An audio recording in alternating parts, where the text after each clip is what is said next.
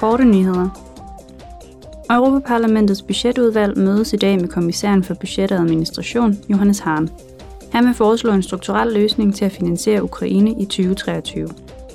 Parlamentsmedlemmerne ønsker et modstandsdygtigt EU-budget, der er egnet til nye udfordringer. Den nuværende flereårige finansielle ramme er ikke udformet til at kunne håndtere nylige begivenheder, såsom krigen i Ukraine. Medlemmerne skal også stemme om et forslag fra parlamentet om at mobilisere 720 millioner euro fra EU's solidaritetsfond til fordel for medlemslandene. Udvalget om borgernes rettigheder og retlige og indre anlægner vil i dag holde en offentlig høring om aspekter ved retshåndhævelse og overvågning i de offentlige rum. Formålet med høringen er at undersøge, hvordan biometri kan bruges i bekæmpelsen af kriminalitet i det offentlige rum på en sikker måde og uden at krænke forordningen om databeskyttelse. I dag vil udvalget om kvinders rettigheder og ligestilling sammen med retsudvalget stemme om en indstilling ved anden behandling om direktivet om kvindelige bestyrelsesmedlemmer. Direktivets formål er at fremme en lille kønsfordeling i virksomheder.